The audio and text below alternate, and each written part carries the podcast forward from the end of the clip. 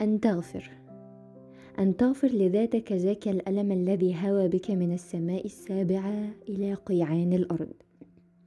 مهمة المغفرة هي العناية بك لا العناية بالشخص الذي تغفر له.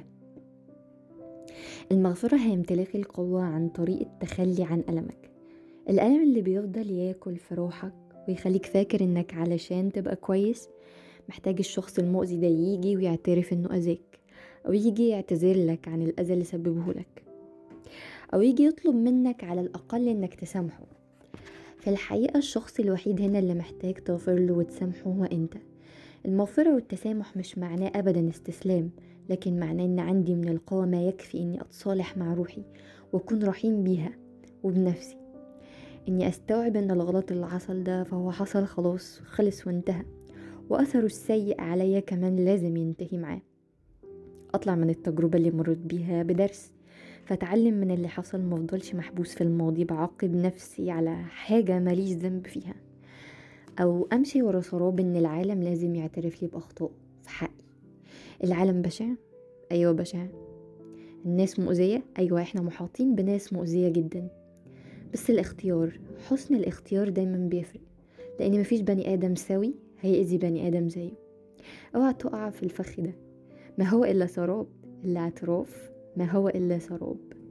ده مش هيرضيك ولا هيشفيك بل هيزود وجعك.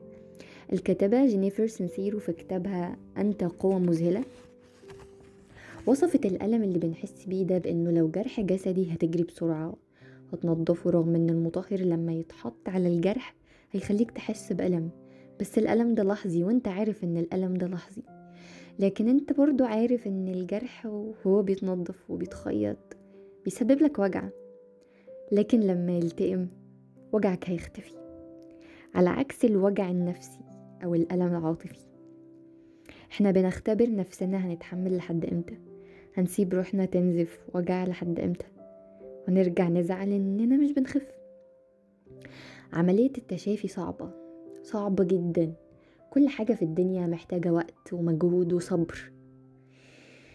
والإساءة أو الأذى اللي أنت تعرضت له سواء نفسي أو جسدي سواء من علاقات عاطفية أو أسرية أو محيط مؤذي يستاهل يستاهل إنك تخف منه. مفيش بني آدم يقدر يقلل أو يتفه من وجعك أبدا. العامل النفسي مهما كان حجمه إلا إنه ليه تأثير. تأثير كبير قوي يقدر في ثانية يرفعك لسابع سما. وفي نفس الثانية يخسف بيك الأرض.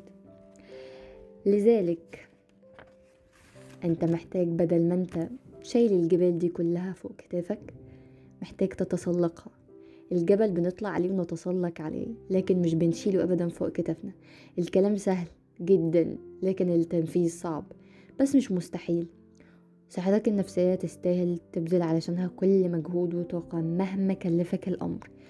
لازم تحرر نفسك من الطوق اللي حواليك ومحسسك بعجز. سامح. سامح روحك واغفر لها اللي حصل علشان روحك تبقى خفيفة. خفف حمولة روحك بالتخلي. التخلي عن كل ما يجعلك تشعر أنك لست على قيد الأمل. التخلي عن كل شيء يحجب النور عن رؤيتك. التخلي عن ما يجعلك تشعر أنك لست أنت. ففي التخلي السلامة وبعد التخلي نجاة. سعيك للانتقام وإصرارك أنك تعرف الشخص ده مدى أذى ليك وتعرف إذا كان الشخص ده مدرك للأذى اللي سببه لك أو لأ. انتظارك للاعتذار مش هيفيدك مش هيفيدك بأي حاجة غير إنه هيطول مدة وجعك وهيعطلك عن حريتك. آه ما كانش صح إنك تعيش طفولة مؤذية. تحسسك طول الوقت بعدم أمان. وما كانش عدل إنك تبقى ضحية لشخص مؤذي. وإنت يا دوب كنت بتحاول تنجو بروحك لبر أمان. وما كانش طبيعي تتساب من غير أسباب وما كانش منطقي تتساب علشان أنت كويس أو كتير عليهم ولا كان حتى من باب الإنسانية إنهم يروحوا ويغيبوا ويرجعوا ويلاقوك نفس الشخص دي اسمها أنانية. فمن هنا من مكان ما على كوكب الأرض أنا شيرين أو حبة الكريز. بعتذر لكل حد كان لوحده لكل حد مر بده وألم روحه كان أقوى منه. بعتذر عن كل إساءة وعن كل موقف كانوا سبب في إنك تبقى حبيس لألمك. بعتذر نيابة عن قسوة العالم. كان معاكم حبة الكريز. حياتكم فيها أمل.